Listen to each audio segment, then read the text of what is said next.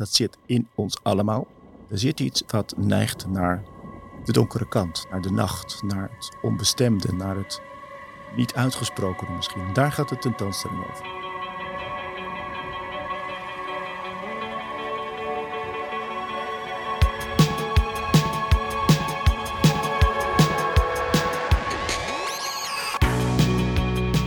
Welkom bij de podcast van Design Museum Den Bosch. Ik ben Maan Leo en dit is aflevering 1 van de serie Goth Designing Darkness. Goth is de grootste subcultuur ter wereld. Goth is een levensstijl vol onbestemd verlangen naar de donkere kant van ons bestaan. Goth verwerpt de onttoverde moderne maatschappij waarin alles te verklaren is en nodigt je uit jezelf te verliezen in een wereld vol diepe betekenis, zwarte magie en onuitsprekelijke geheimen. De tentoonstelling Goth Designing Darkness, nu te zien in Design Museum Den Bosch, gaat op zoek naar de bronnen van de subcultuur en presenteert een cultuurgeschiedenis vol dramatische verbeeldingen, onheilspellend design en zwartgallige kunst. In deze serie ga ik in gesprek met de ontwerpers, kunstenaars en conservatoren die betrokken zijn bij de tentoonstelling. Wat betekent goth voor hen? Waarom steekt deze duistere stijl iedere paar jaar weer de kop op? En wat vertelt goth ons over de huidige maatschappij? In deze eerste aflevering ga ik in gesprek met Timo de Rijk en Thomas van den Heuvel. Timo is directeur van Design Museum Den Bosch en conservator van Goth Designing Darkness. Thomas is assistent-conservator van de tentoonstelling. Welkom heren, hallo. Dankjewel, hoi. Om te beginnen, geef ons eens een beginnerscursus Goth.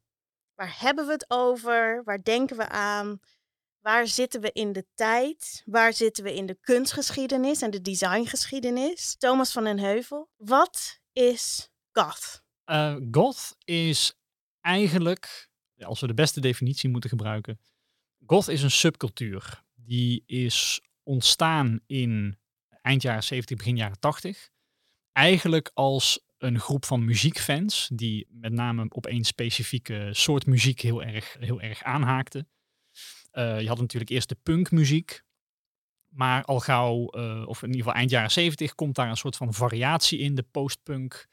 Waarin eh, eigenlijk het, de agressieve stijl verlaten wordt. En het wordt een beetje een duistere stijl. Er komen wat melancholische teksten in. Er wordt wel eens gezegd dat het eerste goth nummer Bella Lugosi's Dead van de band Bauhaus is.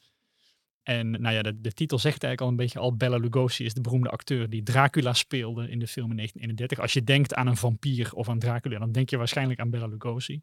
En ook de teksten van het nummer zijn, uh, verwijzen erg naar een beetje een soort spookachtige thematiek. Zinnen als uh, The red velvet lines the black box and the victims have been bled. En het het is heel dramatisch.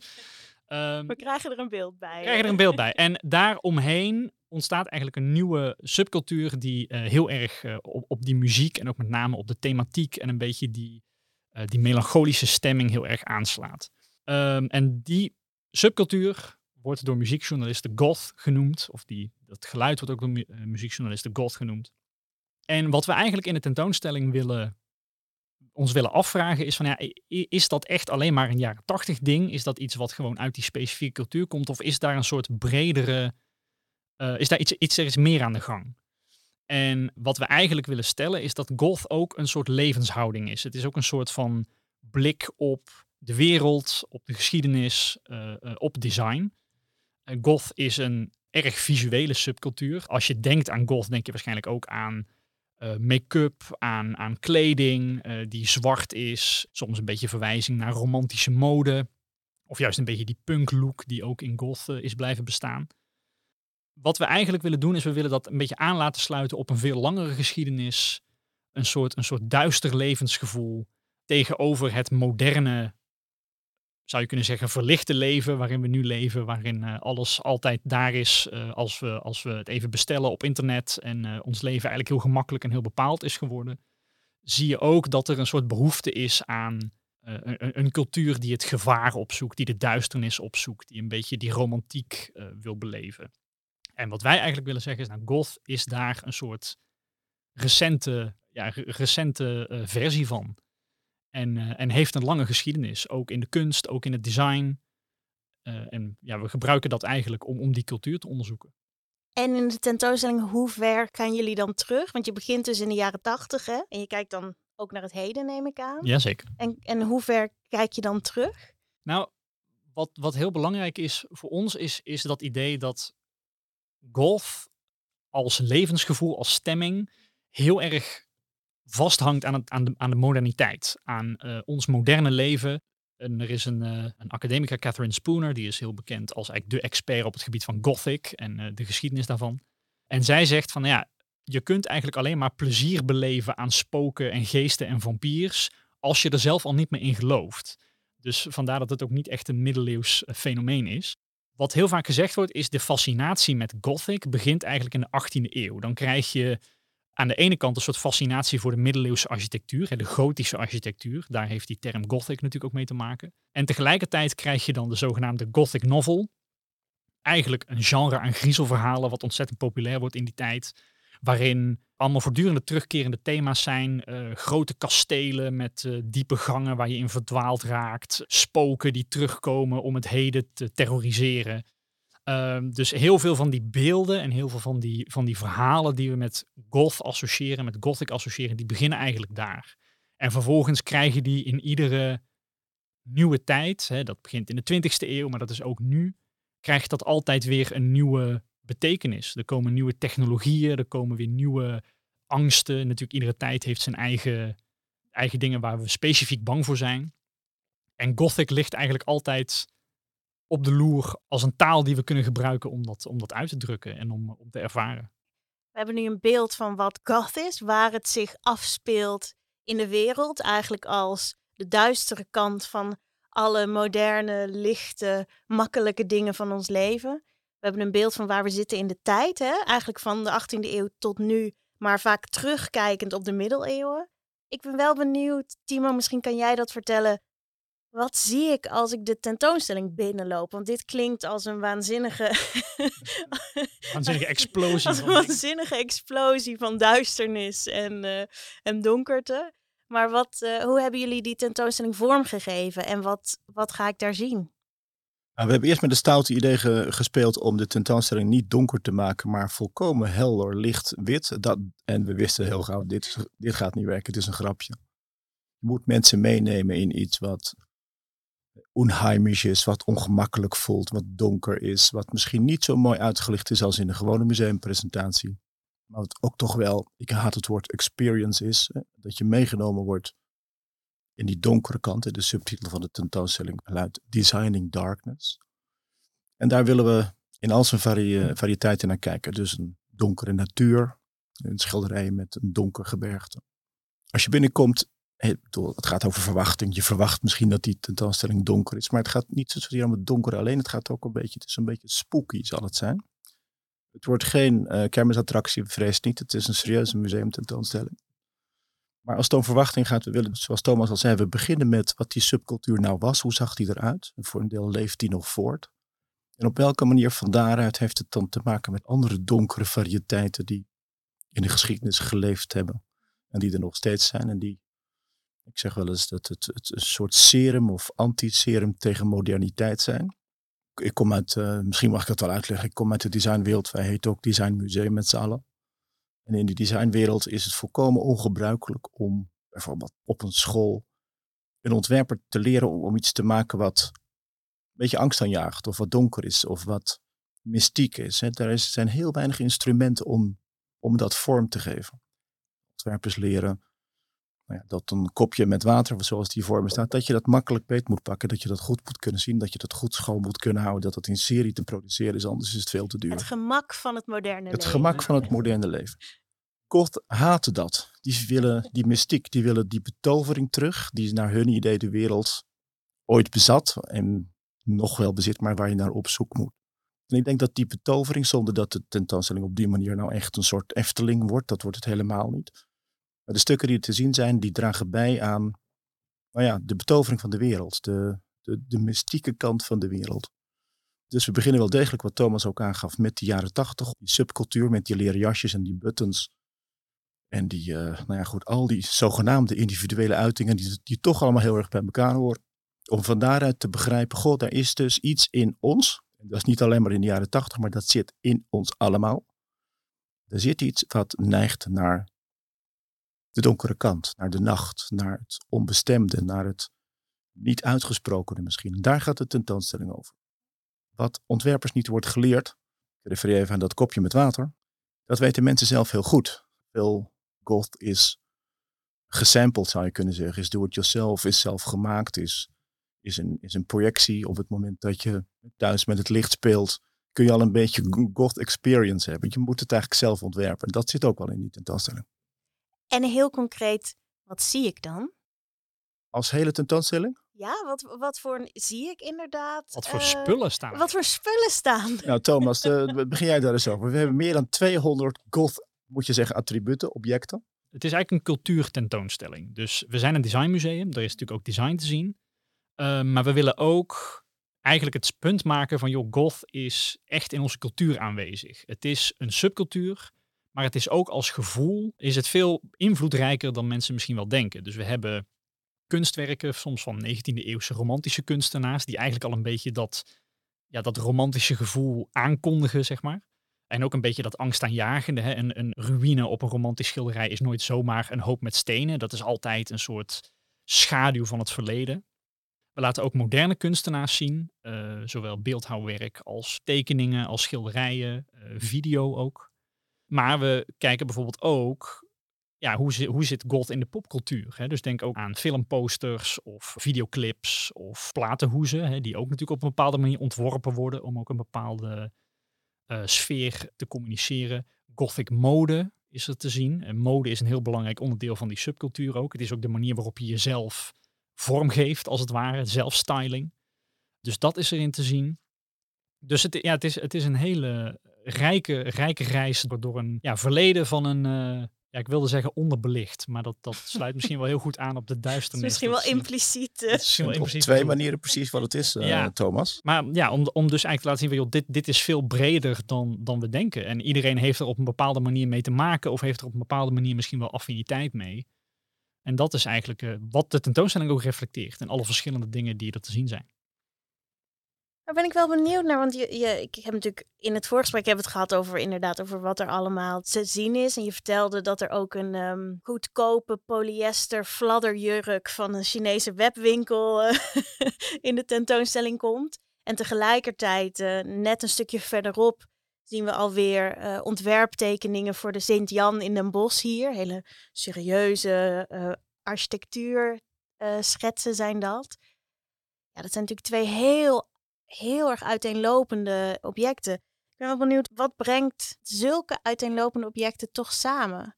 Timo, heb jij daar een antwoord op? Ja, wij denken dat God eigenlijk overal leeft. Hè? Uh, je kunt zeggen, God leeft in jou, eh, de donkere kant van jouw geest.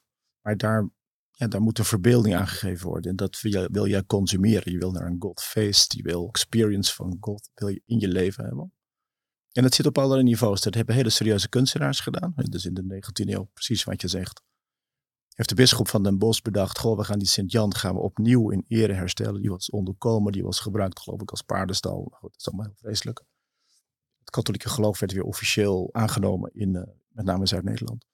De bisschop dacht, dan wil ik ook die gotische geloofsbeleidenis terug. Hè, die mystieke kant heeft, die een donkere kant heeft. En vervolgens zit die hele, die hele Sint-Jan, nou, door allerlei mensen, door ja, timmerlui die daarmee bezig waren, maar ook serieuze kunstenaars hebben opdrachten gekregen om die Sint-Jan weer in zijn oude luister te herstellen. Dat was, ken je wel, de architect Pierre Kuipers uit het kleine Roermond, maar wereldberoemd als gotisch of neogotisch 19e-eeuws architect.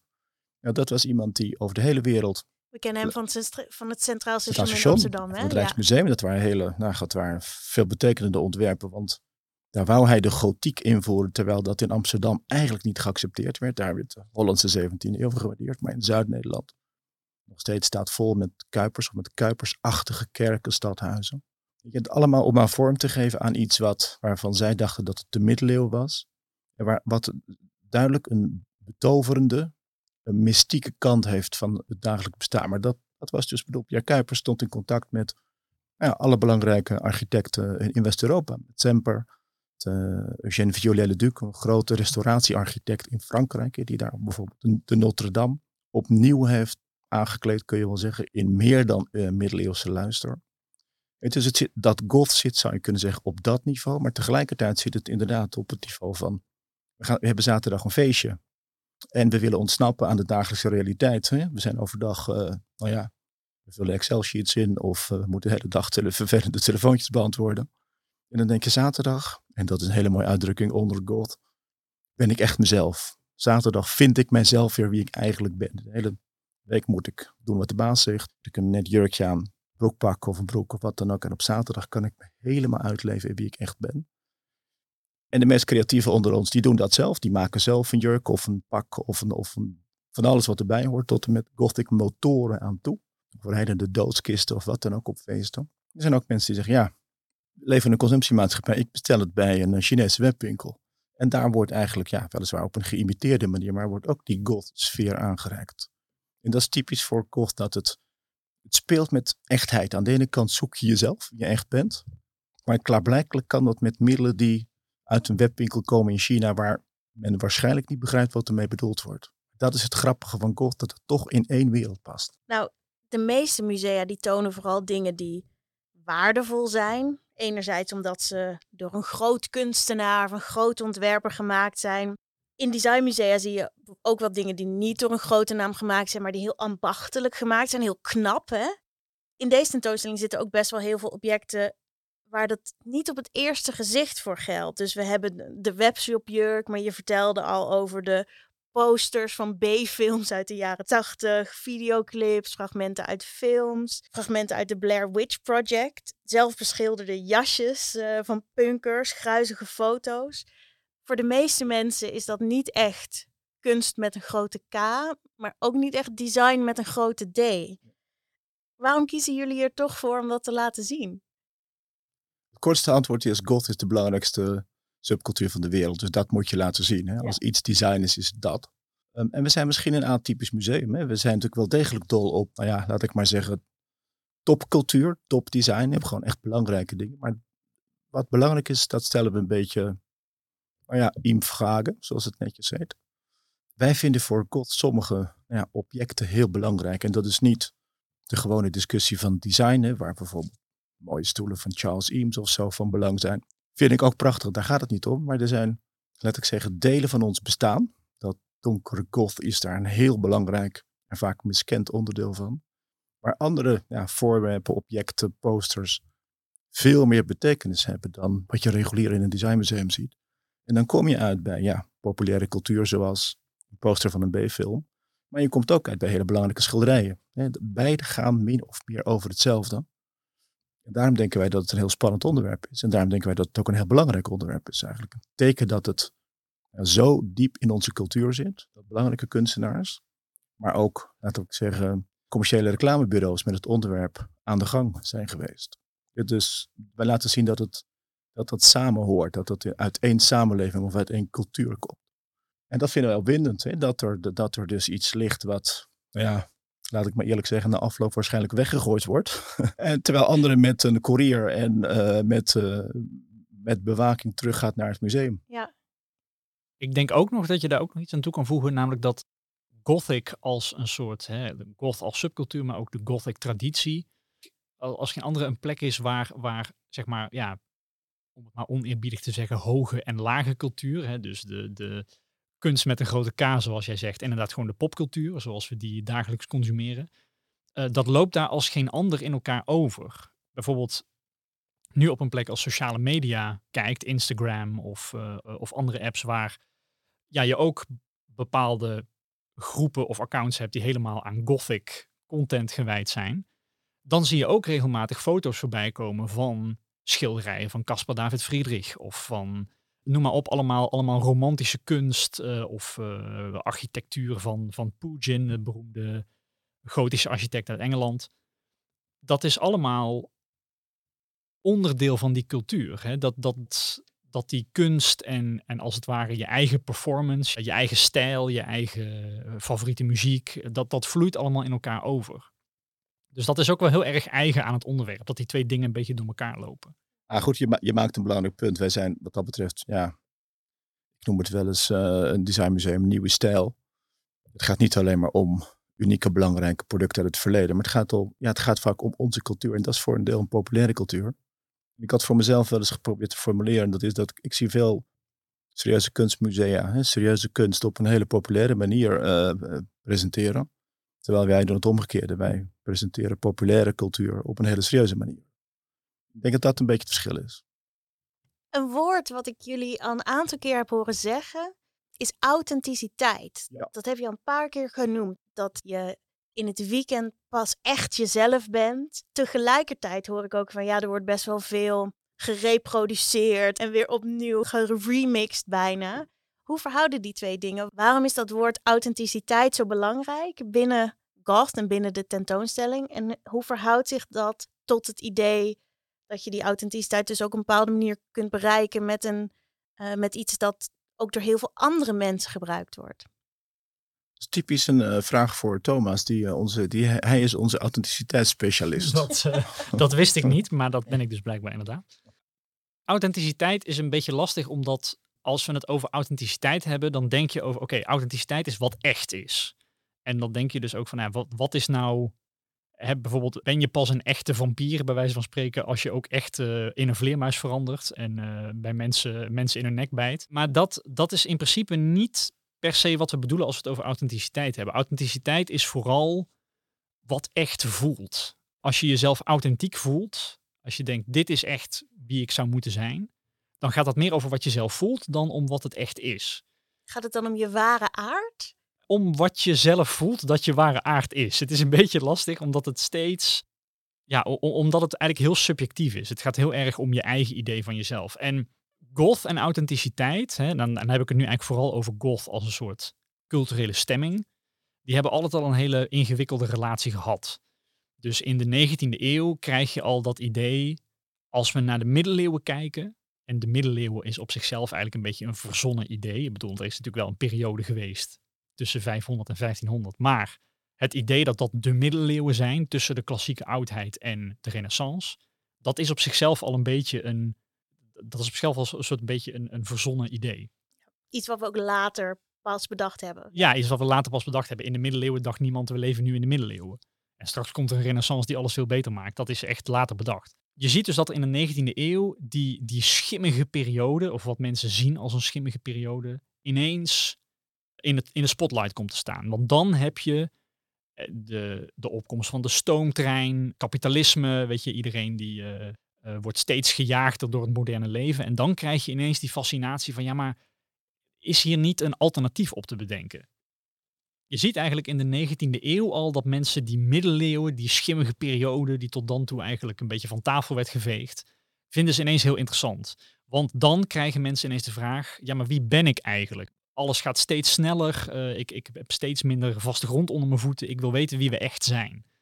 Uh, en dan krijg je eigenlijk twee hele aparte interpretaties van de middeleeuwen. Eentje is een hele positieve, namelijk de middeleeuwen is een soort romantische tijd van ridders en kastelen en eigenlijk een tijd waar we weer naar terug moeten.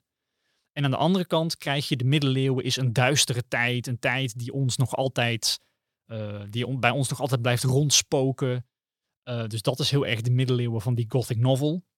Een plek om te griezelen in plaats van een plek om naar te verlangen. Maar dat houdt zich dus al heel erg bezig met, ja, wie zijn we nou echt? In positieve zin. Hè? Eigenlijk zijn we echt die romantische, ideale, geïdealiseerde gemeenschap van de middeleeuwen. Of eigenlijk zijn we echt die duistere, onbestemde gruwel die, die we eigenlijk de hele tijd willen wegdrukken met ons fijne moderne leven. Maar eigenlijk is dit wie we echt zijn. En dat, dat laatste, dat past bij authenticiteit. Hè? Ja. Daar is niks zo mooi als een, als een bron vinden voor jezelf, de middeleeuwen.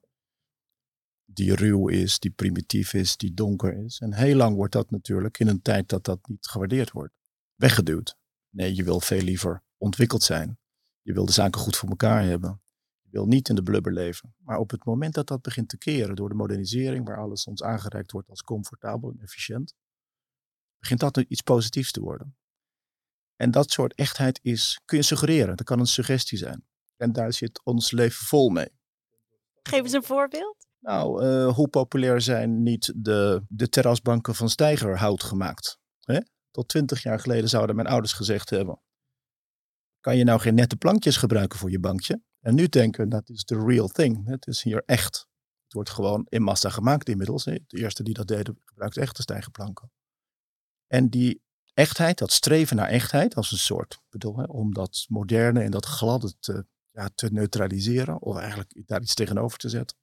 Dat kun je dus suggereren door allerlei soorten beelden te gebruiken. Dat zit in muziek. Ik kan me herinneren dat uh, iemand ooit zei over Michael Jackson, ja, het, is zo onecht. En daar bedoelde, bedoelde ze mee, de man zingt perfect, het is fantastisch gepolijst geproduceerd, maar het is niet echt. Je wil het, het gruizige, je wil de naald in de, je wil zelfs op je cd ja. de naald in de Dat moet geïmiteerd worden. Ja. Ik heb thuis een uh, Engels werkbootje. En daar vaar ik wel eens mee door een kanaal en over de plas. Nou, ik weet zeker, dat gebeurde vorige week nog. Als je daar een oude schipper tegenkomt met een uh, rokende sleeboot, die gaat, zijn duim gaat omhoog. Want zoals de man laatst in de, in de sluis tegen mij zei. Dat is tenminste een boot met karakter. Weet je, ik denk dan, nou als de motor het maar doet, ben ik al blij. Dat is authenticiteit. En soms is dat, ja, wat is een boot met karakter? Ik heb ook ooit een Alfa Romeo gehad. Nou, dat geldt als een auto met karakter. Dat, vooral omdat die af en toe kapot ging. Is het een auto met karakter? Ook in beeld vertaalt zich dat. Iets wat versleten is, iets wat imperfect is, iets wat aards is, iets wat gemaakt is door, uit natuurlijke materialen, geldt voor ons als iets echts. Dat is echter dan kunststof. Zelfs als het in een fabriek in China geproduceerd is. Ja, dat kun je dus imiteren. En dat is fake. Ik bedoel, dat, is, ons dat kan alleen nu. Honderd jaar geleden snapte men dat niet. Net zoals het ambachtelijke. Kijk, in een tijd dat er niks industrieel wordt geproduceerd, is alles ambachtelijk. Dus het idee van het ambachtelijke bestaat alleen bij gratie van de industrie. En God bestaat zo alleen bij de gratie van het moderne. Zo moet je het een beetje zien. Het is een beetje abstract, maar. Nou ben ik benieuwd. De tentoonstelling gaat over een subcultuur. En we hebben het nu best op een theoretisch niveau gehad, hè, over de moderniteit en de duistere kant daarvan. Maar tegelijkertijd is het ook een subcultuur waar nu heel veel mensen deel van uitmaken. Um, ook mensen die er vaak anders uitzien dan de gemiddelde dame bij de Albert Heijn. En ik kan me voorstellen dat een van de valkuilen in het maken van zo'n tentoonstelling is dat je, dat je aapjes gaat kijken. Dat je de subcultuur in een museum zet en zegt: Kijk toch eens hoe vreemd die gods zijn in een zwarte jurken. Uh, hoe voorkomen jullie dat je aapjes gaat kijken? Nou, we hebben ons, ons dat heel goed gerealiseerd. Dus ik vind het echt, ja, dat is, dat is zeker een, een onderwerp van discussie geweest van begin af aan. Het, het gaat fout op het moment dat je, nou, ik als uh, museumdirecteur met een net blauw jasje aan, gaat denken, ik snap die hele gothwereld van nu wel. Ik snap al die verschillen, die subculturen, die onderlinge nuances. En ik ga ze even heel haarfijn uitzoeken en uitleggen vervolgens wat het hipst is van allemaal, wat de latest thing is, dat gaat absoluut mis. Want je snapt nooit wat er achter je gebeurt. Je kunt namelijk nog niet heel goed kijken als er iets heel dichtbij is. De oplossing die we ervoor hebben, en dat, dat hebben we niet gedaan omdat het eerste ja, per se niet wilde, maar de oplossing die we hebben, we maken een hele grote cultuurhistorische tentoonstelling. Beter gezegd, we maken een hele grote sprong. We laten de mensen die straks komen, die zichzelf misschien goth voelen, of voelden, en die misschien in een half hebben gehoord. Ik hield van dit beentje en zeker niet van dat beentje. En ik hoorde bij die en ik hoorde zeker niet bij die. Dat laten we ongemoeid. We gaan die, al die mensen die komen, gaan we meegeven. Goh, jij was misschien alternatief en je ouders dachten, god, komt het wel goed met je. Maar jij hoorde bij een veel grotere cultuur, historische traditie. Waar jij bij hoorde, dat begon al ergens in de 18e eeuw. Dat zag je heel groot worden in de 19e eeuw. En is in allerlei varianten nooit meer weggegaan. En daar hoor je bij. Je hoort bij een heel groot gedeelte van de wereld die hetzelfde voelde en daar ook uiting aan gaf. En ik hoop dat mensen met die rijkdom ook weer naar huis gaan. Niet dat ze zichzelf niet in dat ene subcultuurtje wat zij dan waren, dat ze zich daar misschien niet in herkennen. Maar wel dat ze zien, goh, in de 19e eeuw waren er ook types als ik die met zoiets bezig waren. Dan misschien wel met een heel andere uitingsvorm. En die rijkdom, nou ja, Thomas, daar hebben wij volgens mij twee jaar lang erg van genoten al. Dat zeker, ja, zeker waar. Nee, het is, het is, ik, denk, ik denk dat het, dat het er ook in ligt in dat je het inderdaad serieus neemt. Ook in, als subcultuur, maar ook als... Uh, ik denk persoonlijk dat misschien een, een, een lichte irritatie van sommige goths die naar onze tentoonstelling komen, is eigenlijk juist hoe breed we het woord goth gebruiken. Dat zou kunnen. Omdat ja. goth natuurlijk wel een, ja, een soort subcultuur is met een eigen geschiedenis. En uh, je, muziek is er een heel groot onderdeel van. Stijl is er een heel groot onderdeel van. Maar wij zeggen eigenlijk aan het begin van ja, dat, dat weten we, dat erkennen we, dat laten we ook zien. Maar het gaat ons ook vooral om het bredere gevoel wat dat vertegenwoordigt. Hè? Dat goth eigenlijk, dat je dat op zoveel verschillende manieren terugziet, dat het ook een manier van kijken is. Misschien als laatste vraag. Waarom, want je, je beschrijft van, nou ja, vanaf de 18e eeuw uh, speelt dit al en telkens komt het weer opnieuw terug. Waarom is dat? Waarom denken jullie dat er telkens weer opnieuw ja, dat duistere gevoel de kop opsteekt? Je hebt nu op TikTok heb je Dark Academia, waar heel veel jonge mensen bezig zijn om zichzelf en hun omgeving vorm te geven op een soort donkere, bibliotheekachtige manier. Wat ook weer heel veel raakvlakken heeft met goth. Terwijl ik was zelf uh, in de jaren negentig was ik ook goth en dat waren vooral uh, ja, zwarte jurken en uh, in mijn geval felgekleurde haren. Um, waarom komt dit gevoel, wat jullie nou ja, de afgelopen half uur zo mooi beschreven hebben, waarom komt dat telkens weer terug? Ik heb een heel kort antwoord. Mensen hebben het nodig. Het zit in ons allemaal. En je hebt het nodig als een, ik zou bijna zeggen, medicijn tegen de moderniteit. Je hebt de moderniteit ook nodig, heeft ons veel gebracht. Ik bedoel, we, worden, we blijven gezond, we worden oud, ehm, we kunnen ons alles permitteren. Ik heb het even niet over de grote milieubelasting. Maar er zit een onttovering aan die wereld die we toch niet kwijt willen. En dat is niet het tegenovergestelde van moderniteit, maar dat zit echt in ons. Het is wie wij zijn. Dus op een of andere manier komt het er altijd weer uit. Oké, dankjewel. Ik denk dat we dat allemaal herkennen misschien. Timo de Rijk, Thomas van den Heuvel, heel erg bedankt voor dit bijzondere gesprek. Dit was de eerste aflevering van de serie Goth Designing Darkness, de podcast van Design Museum Den Bosch. De tentoonstelling Goth Designing Darkness is te zien van 16 oktober 2021 tot en met 18 april 2022. Reserveer je tickets online. Wil je meer van onze podcasts horen? Abonneer je dan in Apple Podcasts, op Spotify of waar je dan ook luistert. Wil je meer weten over de tentoonstelling? Neem dan eens een kijkje op de derde verdieping, het online platform waar we de thema's van onze tentoonstellingen nog verder uitdiepen. Je vindt de derde verdieping op www.designmuseum.nl. Mijn grote dank gaat uit naar Judith Meinders en Sander Bergwerf van Outcast in mijn studio we nu zitten en die deze podcast produceren. Onze jingle werd gemaakt door Jelle Meeuwsen. De tentoonstelling Goth Designing Darkness wordt mede mogelijk gemaakt door het Stimuleringsfonds Creatieve Industrie, Fonds 21 en het Mondriaan Fonds. Met duistere groeten, tot de volgende aflevering.